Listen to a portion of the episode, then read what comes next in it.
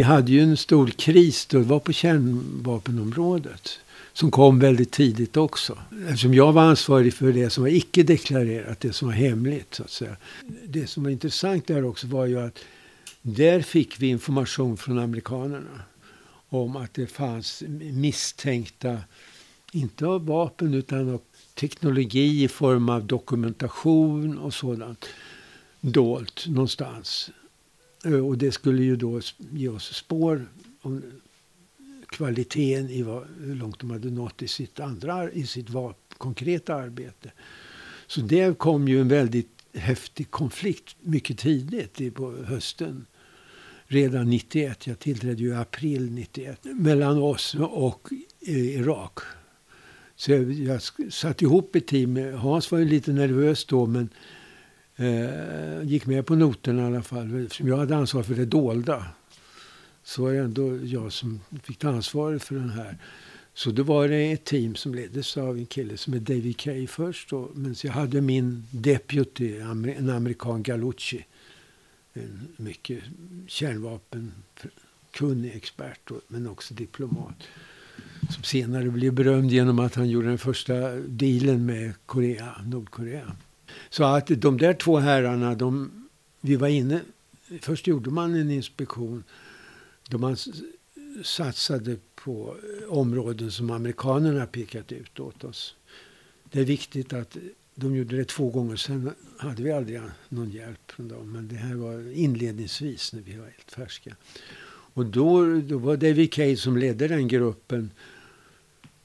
Och då upptäckte man när man var på väg till den anläggning som senare blev ett ganska berömt eller, fängelse att det, man gick lastbilar en masse ut ur, ut ur området och så blev vårt folk blev blockerade. Men de var galna då som kastades i sin gamla, då hade vi inte fått in våra nya bilar så var såna gamla amerikanska. Men då hoppade den irakiska, så här, de som åkte i de här lastbilarna på väg bort hoppade ut och började beskjuta. Jag styrde då från, Stock, från Stockholm, inte från eh, New York från mitt högkvarter. Så på telefonleden så beordrade jag förstås David Kay som var en liten stridslysten person och ville förfölja dem. Men jag sa till, förbjöd honom att förfölja för jag hade ingen lust att det skulle bli någon sorts krigshandlingar här. Så vi stoppade. Men det var en ganska eh, chock chockerande överraskning. Inte så mycket för mig kanske, men för generalsäkerhetsrådet. Och sen kom den här stora inspektionen uh, som, vi då, som också leddes av David Kay och, och Galucci. Och det var ju också mycket amerikaner, alltså från intelligence service kan man säga. inte analytiker utan act, acting types.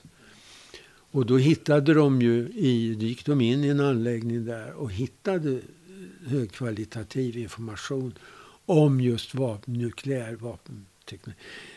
Irakerna var ju duktiga att anrika uran och redan det kunde de. Så att det var inte problemet. Men hur designar man till ett vapen? Och det var ju farliga. och det hade vi ju inte, hade ju inte IAEA någon kompetens heller.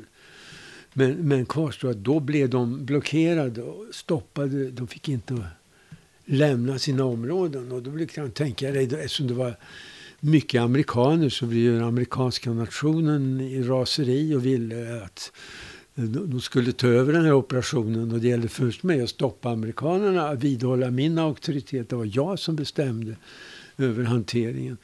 Så det blev ju eh, allt farligare situation. De stängdes in. Det blev såna massdemonstrationer utanför en rasande en rasande folkmassa riktade mot de här. Så att, eh, ett dygn, två dygn eh, under tiden förhandlade vi. Satt på mitt hotellrum för jag kunde inte vara i, i FN-skrapan för det var tusen journalister och amerikanerna, det var deras pojkar. Va, så att det var väldigt upphetsat. Men, eh, utan då fick jag förhandla direkt med eh, med hjälp av eh, irakiska ambassadören och så talade vi med dem i i, i, i Bagdad. Och det är en mycket lång och komplicerad historia, jag kan inte gå alla detaljerna. Men det som var intressant var ju då att uh, vi lyckades. En, att de var ju inspärrade, vårt folk. Och irakerna sa ni får gå om ni bara lämnar ifrån er alla dokument.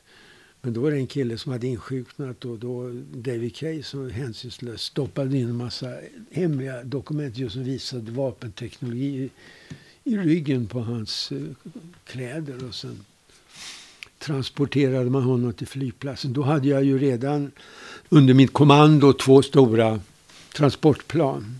Vi stoppade ju ett kontor i Bahrain varifrån vi opererade som ut och in hela tiden. Så eh, han lassade in den här sjuka killen försedd, laddad med högteknologisk material. Och eh, då på något sätt läckt, hade det läckt till irakerna. Så de, när det stora enorma transportplanet skulle börja flyga så åkte de in med plan med bilar framför för att blockera det. Men de här två, det var ju tyska flygvapnet som skötte de här. De gjorde en stor sväng runt och mycket elegant så lyckades de sticka iväg. Och det är klart att då kom ju amerikanska ambassadören upp med de här dokumenten. Väldigt stolt och visade att det här var eh, bevis på en rätt avancerad kärnvapenprogram som var på gång. Då. Det landade i Bahrain och där var då den här killen hade Eh, Galucci hade ju, och hade kommandot också, så att de fick ju titta på den först. Eh, men våra analytiker, som ju var amerikaner förstås, vi, vi kunde bara amerikaner, britter, fransmän. Fransmännen var ju mest energiska här, för de fick då extra insight. Däremot, och, och ryssar. Jag hade ju, min hade jag, ju, hade jag fransmän, amerikan och fransk expertis. Kineserna vägrade att ställa upp och erkänna att de hade någon kompetens på det här området. Så att det var ju, men det, det, var ju väldigt klara belägg över att de hade. Sen lyckades vi förhandla då loss våra, klart, Eh, Eh, och då gjorde vi en mycket komplex del, att man gjorde kopior och sen fick vi ta originalen och så fick eh, irakerna behålla kopiorna så de visste vad vi hade tagit. Det var min typiska rollföreskommelse. Andra tyckte jag skulle ha tagit och vägra göra något sånt. Men för mig gällde det att få den här, min stav att överleva också. Alltså, mitt uppdrag var ju först enligt huvudresolutionen. Det var att hitta, identifiera och förstöra vapen. Sen så la man till en ny resolution som för övrigt förarbetades av en ryss och en svenska. Elisabeth Borsin-Bonnier och eh, ryska Nikita Smidovic. Som också blev då gällande för eh, den nukleära. Nämligen att man, eh, att man skulle ha sök... självklart skulle man ha kontroll över produktionskapaciteten. Inte bara hitta existerande vapen utan skapa ett system för övervakning så det där tycker jag, och det var enhälligt säkerhetsråd som stödde upp det här. Och det var ju mycket gnäll. Det tog nästan två år innan irakerna accepterade den här modellen. Men den var väl fungerande. Och det innebar att de hade ju mycket missilproduktion till exempel då. I princip bearbeta ryska skudd. Eh, och göra dem mer korta. Så, och, och, och göra egna missiler. De var väldigt kunniga på det hela tiden. Dock inte 150 kilometer. Som sagt var, det var ett intresse av i varje fall Bush, pappa Bush, att de hade vapenkapacitet. Så att det skulle de ha rätt till. Sen blev det en del konflikter runt också det. Därför att jag krävde ju att vara, ha vår närvaro och total kontroll över deras missilproduktion. Det var ju också ryssarna. Jag hade ju underbara Nikita Smidovic som ledde att vi kontrollerade deras och tester. Så vi skulle ha kameror. Vi kunde inte vara fysiskt närvarande alltid. För de testade hela tiden. Men då hade vi kameror som kunde täcka. Och då stängde irakerna av kamerorna. Och då blev det en allvarlig kris det faktiskt ledde till ett bombanfall. Eh, som då var länkat också till... Och då var det, då var det en Clinton som hade kommit in. Men då hade irakerna, då hade ju Bush hyllats i Kuwait, pappa Bush hyllats i Kuwait, men då var det ett försök att mörda honom där. Och då ville man då, då blev det de som ville straffa dem och då skulle man ge dem en, ett angrepp.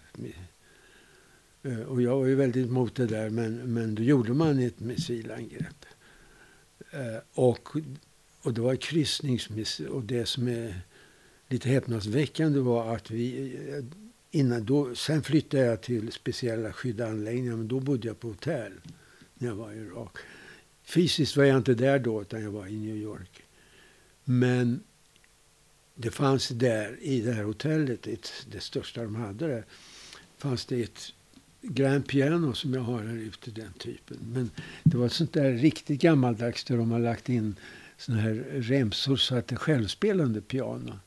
Men de hade glömt att stämma det, så det var väldigt falskt. Så varje gång jag gick förbi med mina medarbetare och med irakiska protokollet så jag, ni, ni får stänga av det där pianot. För, eller också måste ni stämma det. Det går inte att ha ett sånt här hemskt piano.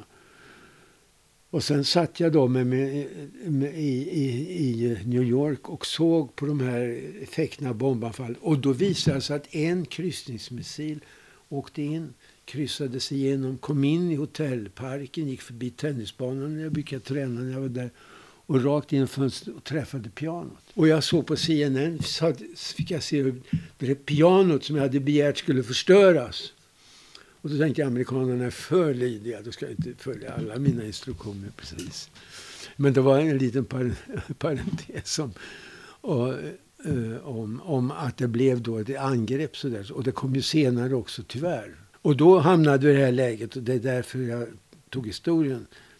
Att eh, jag, det var mitt eget fel, det kanske man ska klandra mig för. Att i tillägg för de här två typerna så resonerade vi fram tillsammans med ryssar, ryssar och amerikaner och min nya deputy Dölfer som återkommer sen.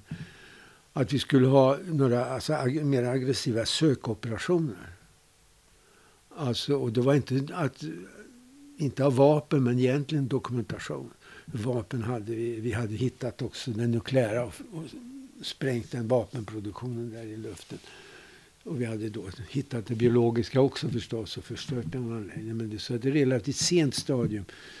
Så, så det är väl det jag egentligen ångrar mest. Vi, ska, eh, vi visste att då, förmodligen då i första hand Saddams egen säkerhetssystem, att man dolde dokumentation där. Så vi tänkte vi skulle ändå göra några sökoperationer. Så det var alltså ett förstöringsoperationer, två övervakning, kontroll över produktion och tre, det, det var det nya.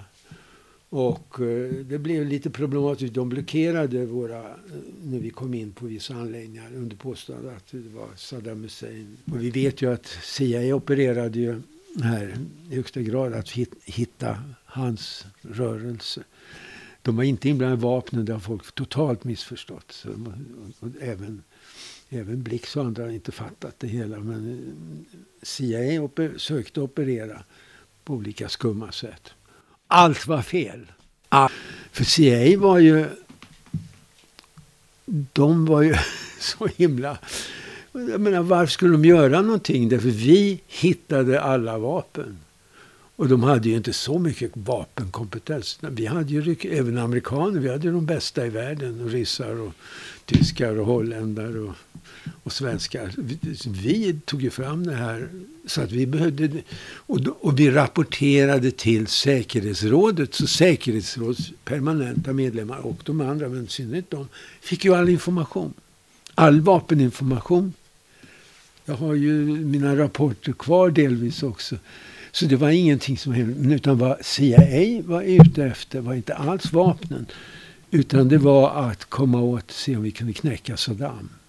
Genom det här Bonnier-Smidovic-planen så hade vi då var det anläggningar, alltså inte minst missilproduktion, ute i landet. Men också kemikalier också nukleärt relaterat. Och då byggde vi en, en mycket hög eh, radiomast på vårt office i Bagdad, vårt huvudkontor i Bagdad. Var, var låg det någonstans? Ja, det var ett hotell som hette Ja, nu kallar jag Bagdad Monitoring Verification Center. Mm. det sen. Men det var ett kanalhotell. Ja, ja.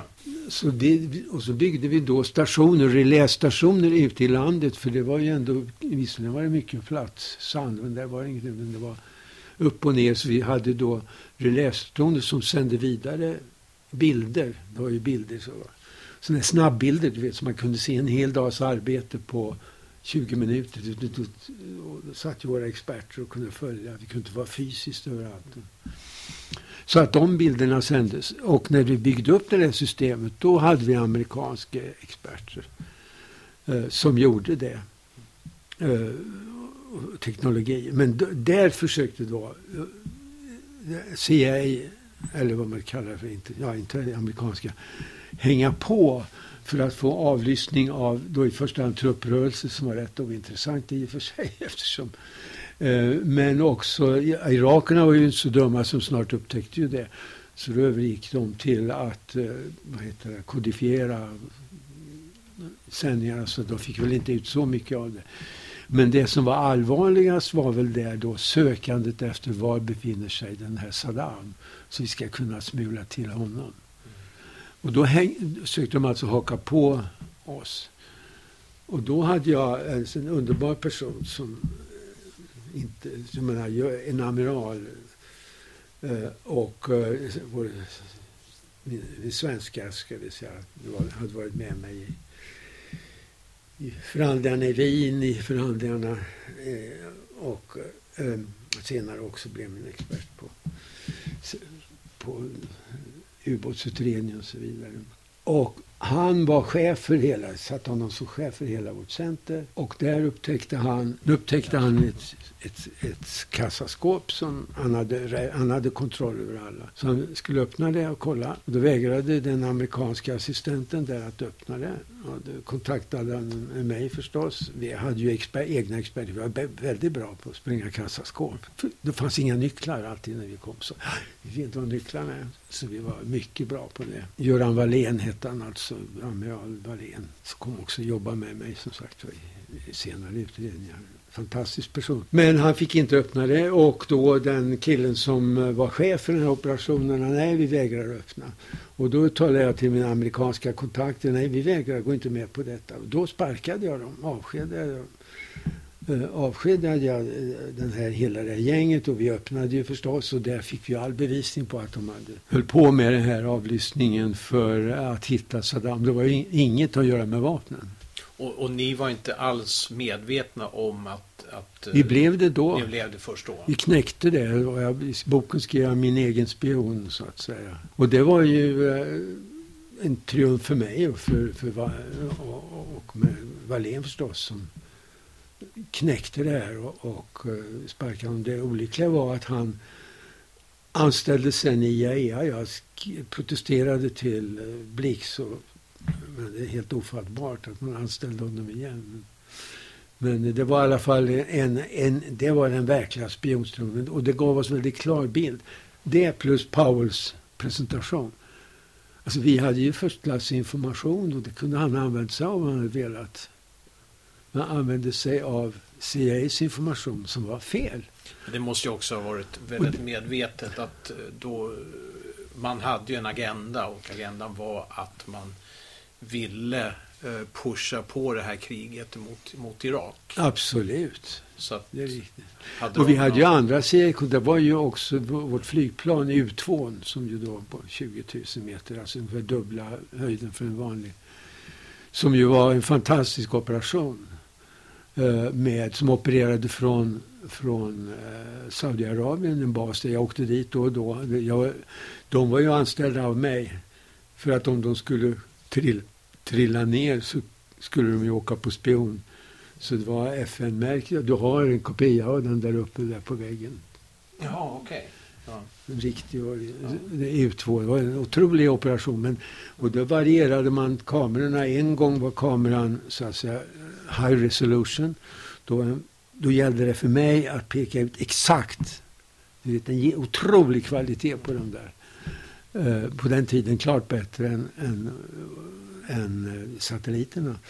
Det, också, det var ju relativt låga då, men eh, så att det var hög resolution, men han kunde bara en kamera i taget. Alltså den är så otroligt lätt och jag hade ju, jag hade ju väldigt lätta motorer och den byggde ju på en, hade inga hjul på sidan utan hade cykelhjul, ett fram och ett bak.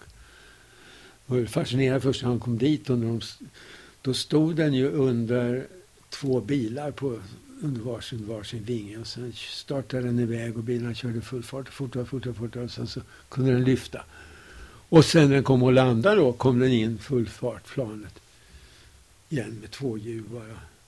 Och så kommer de bilarna i full fart under och så glider de under i vingarna och så uh, stannar man. Så kunde, man, kunde de åka åt sidan. Ibland la den ner sig på ena vingen. Ibland så la man in något stöd.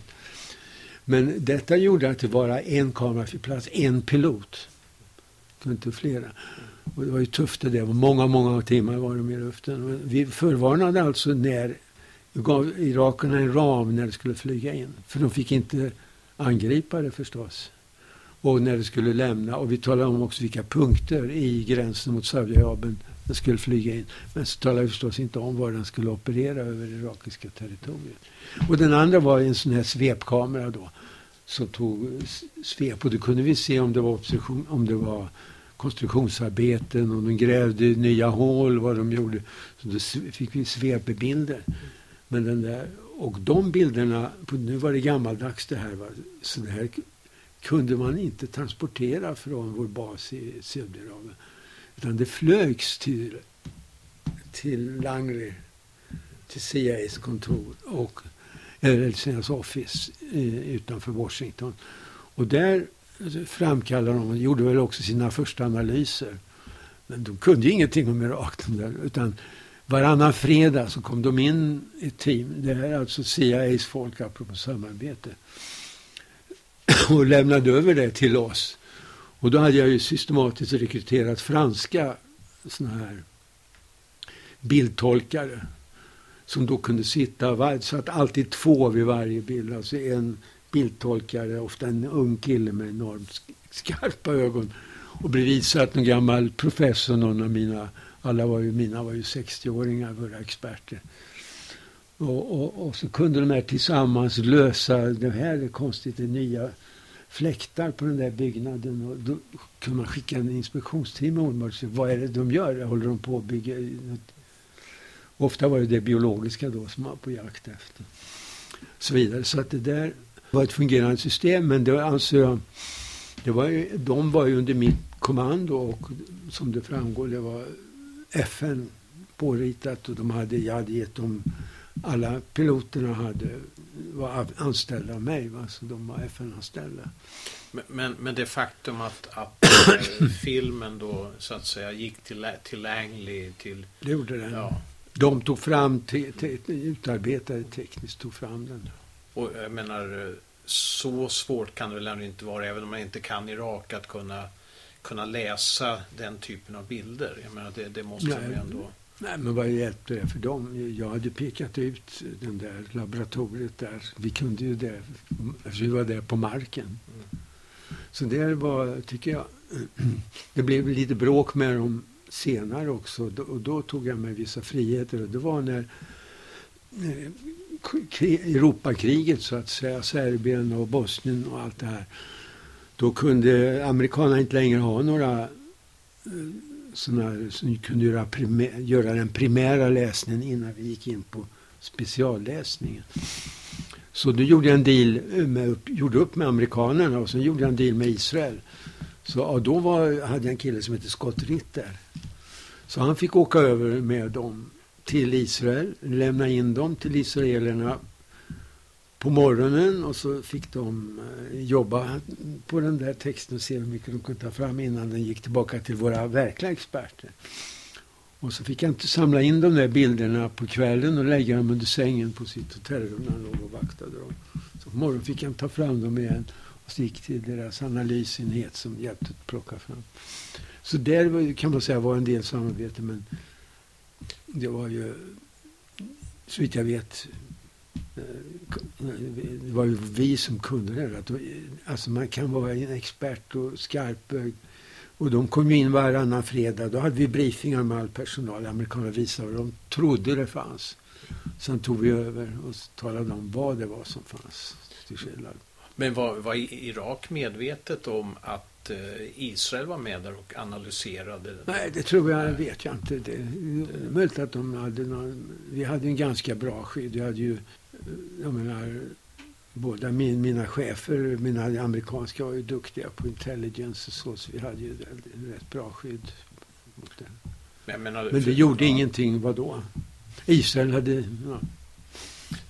ja. de hade ju bombat en, en irakisk... Eh, Osirak-reaktorn, ja. 82 har jag för mig att det var. Ja, det var länge sedan, precis. Ja. Så att de hade ju... Eh, men ja, det var ju, det var ju Men det kan man säga, jag bara gå igenom vad det var som var in, äh, spioneri. Det var ju, sen var det ju under Butler, då vet vi ju inte riktigt. Butler har jag talat med och han har ju skrivit ett par böcker till och med, alltså inte särskilt mm. tydliga. Men mm. så vitt jag vet så han hade, jag tror inte han, jag tror han följde samma modell. Men jag vet ju inte då, ja, som jag var ingen längre insider. Nej. Men jag följde utifrån väldigt noga det gick. Men men det har ju riktats väldigt stark kritik mot att uh, det skulle ha rört sig om intelligence sharing och så vidare ja. från, från An Anskams sida. Nej, det var det ju inte. Det var det inte. Nej, det var ingen... Som sagt var, sharingen när det gällde vapen var till säkerhetsrådet. Det var en bred skara. Och, och, eh, utan, och det var de var intresserade av var Saddams rörelser. Men det, var, då, ja. var, men det, det, var ju också någonting. Sen blev det en lång cirkus, du vet, och Kofi Annan och blandade sig och sådär. Mm.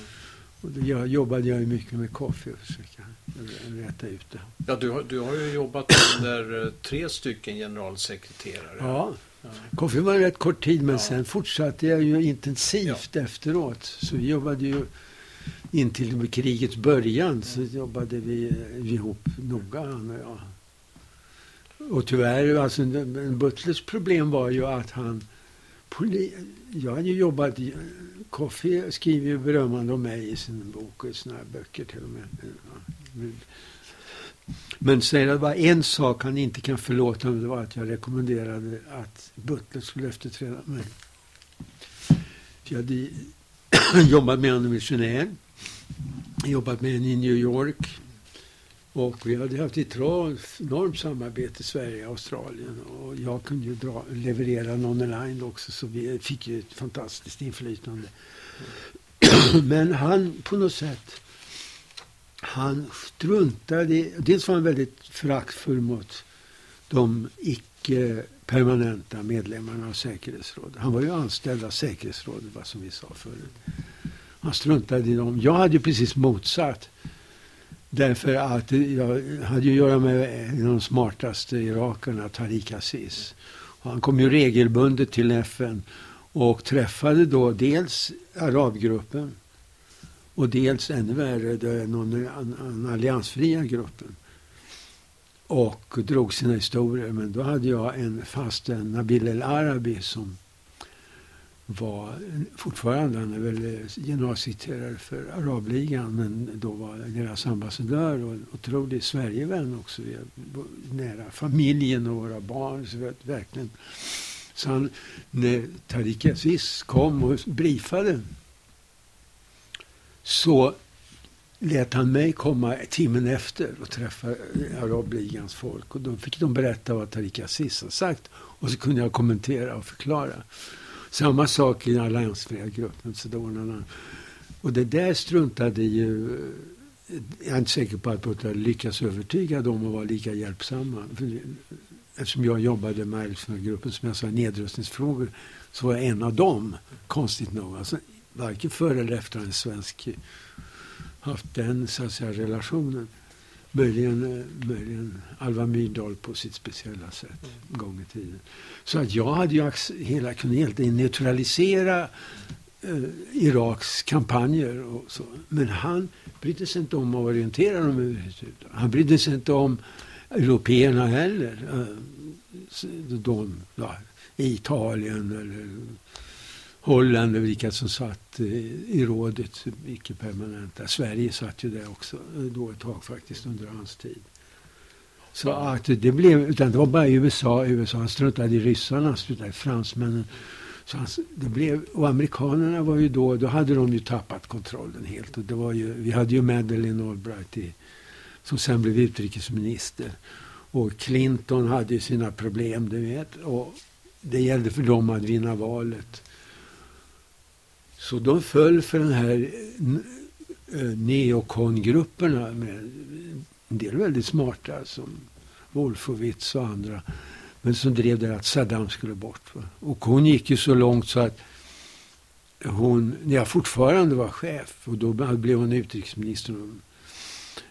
Och då höll hon tal, eh, tal i Georgetown University. De sa att kom tillbaka till den här stora frågan, den kanske viktigaste kopplingen här, eh, nämligen eh, resolution, artikel, eh, paragraf 10 i resolutionen som sa att när vapenfrågan är klar och fullfört till sina åtaganden så ska förbudet mot eh, import från Irak hävas.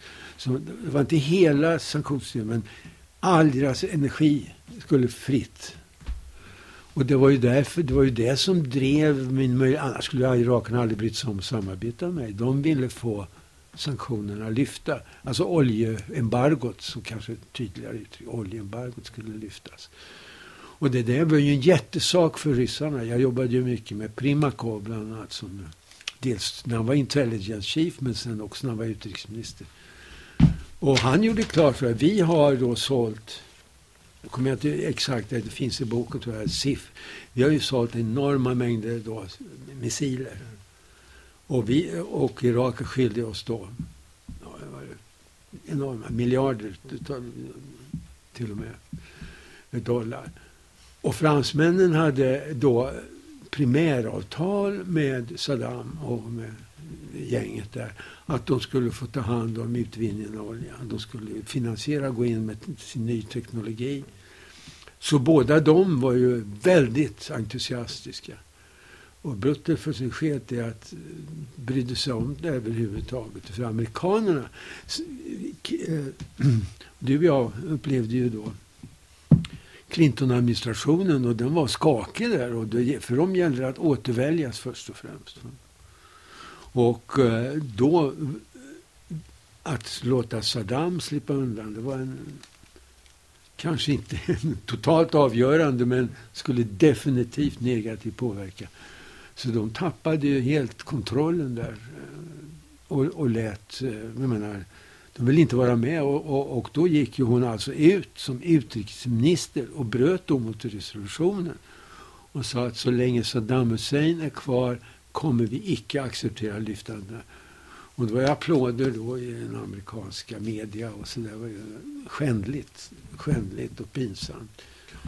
Jag, jag tänkte skulle återgå till, till, till sanktionerna. För du pratade framförallt om, om oljeembargot. Men, men eh, det sanktionerna som, som, som, som, som drabbade den, den irakiska befolkningen. Ja. Hur, hur, ser du på den? Ja, den var ju brutal, blev ju brutal. Alltså. Det, eh, dels var det väl en inkompetens delvis på irakisk sida, men i princip, jag vet alltså. De hade Alltså hela deras import var ju beroende av, även för mat material för jordbruket och självklart för hälsovården och allting annat. Det var, det var alltså en sån omänsklig strypning av det irakiska samhället. Och så att eh, det är möjligt att Saddam var en hårding också, men, men grundläggande jag arbetade ju då med Tariq Aziz och det, vår gemensamma, hans och min ambition var att få sanktionerna, eller oljeembargot, lyft. Och det kunde bara ske om jag sa att vi hanterat de här vapenfrågorna. Eh, och klart, sen var jag under våldsam attack då från britter och amerikaner som eh, hela tiden ville hitta fel i vad vi sa. Kunde de inte någonting som jag sa. Och, och de hade ju då intelligence, den CIA's intelligence som då eh, de presenterade i säkerhetsrådet med Colin Powell och med eh, Weston. Först hade de ju en utomordentligt briljant ambassadör. Men, eh, men sen kom Weston som var en hel slav under, under eh, Madeleine. Och, och, så de var ju kolossalt negativa till allt de kunde komma ihåg. Ja, de berömde oss sådär, men de... Eh, men den, när hon la den politiken, ja, den fanns ju innan. Mm. Men när den officiellt gjordes offentligt så förstod vi vilket helvete det och, och Tariq Aziz sa, vad tror du min chef säger? Här ska han arbeta med dig. No matter, han får ingenting. Han ska, han ska avlivas. Så kan jag, jag menar, och det försvårade ju mitt, men jag lyckades genom att jag hade en så pass bra relation med dem, lyckades ju fullfölja det här ändå. Till, men för Butler var ju för det, så det, det undergrävde ju hans möjligheter också. Han, han, har ju fått väldigt, väldigt mycket kritik. Men det första han sket de andra också. Mm. Han struntade i ryssar och amerikaner, mm. struntade mm. i eller annan. Mm. Så det blev bara amerikaner. Han blev väldigt populär i Vita huset. Mm. Men ja. Eh, Hur är? Ja. Ändå var det på något sätt en schysst kille, men han gick fel. Mm. Men vad, vad, vad, vad, vad, vad, så, här, så här efteråt, känner du att eh, hade FN eller världssamfundet kunnat pusha på starkare och till exempel fått sanktionerna att, att lyftas tidigare? Ja, absolut. Jag menar, det var... När jag lämnade, då var ju allting i stort sett klart. Och det är klart, nu vet vi att det är klart. Tack för att ni har lyssnat på min podcast Point of No Return. Nästa tisdag, det vill säga den 10 juli, då kommer Rolf Ekéus att berätta slutet på sin spännande berättelse. Jag heter Urban Hamid.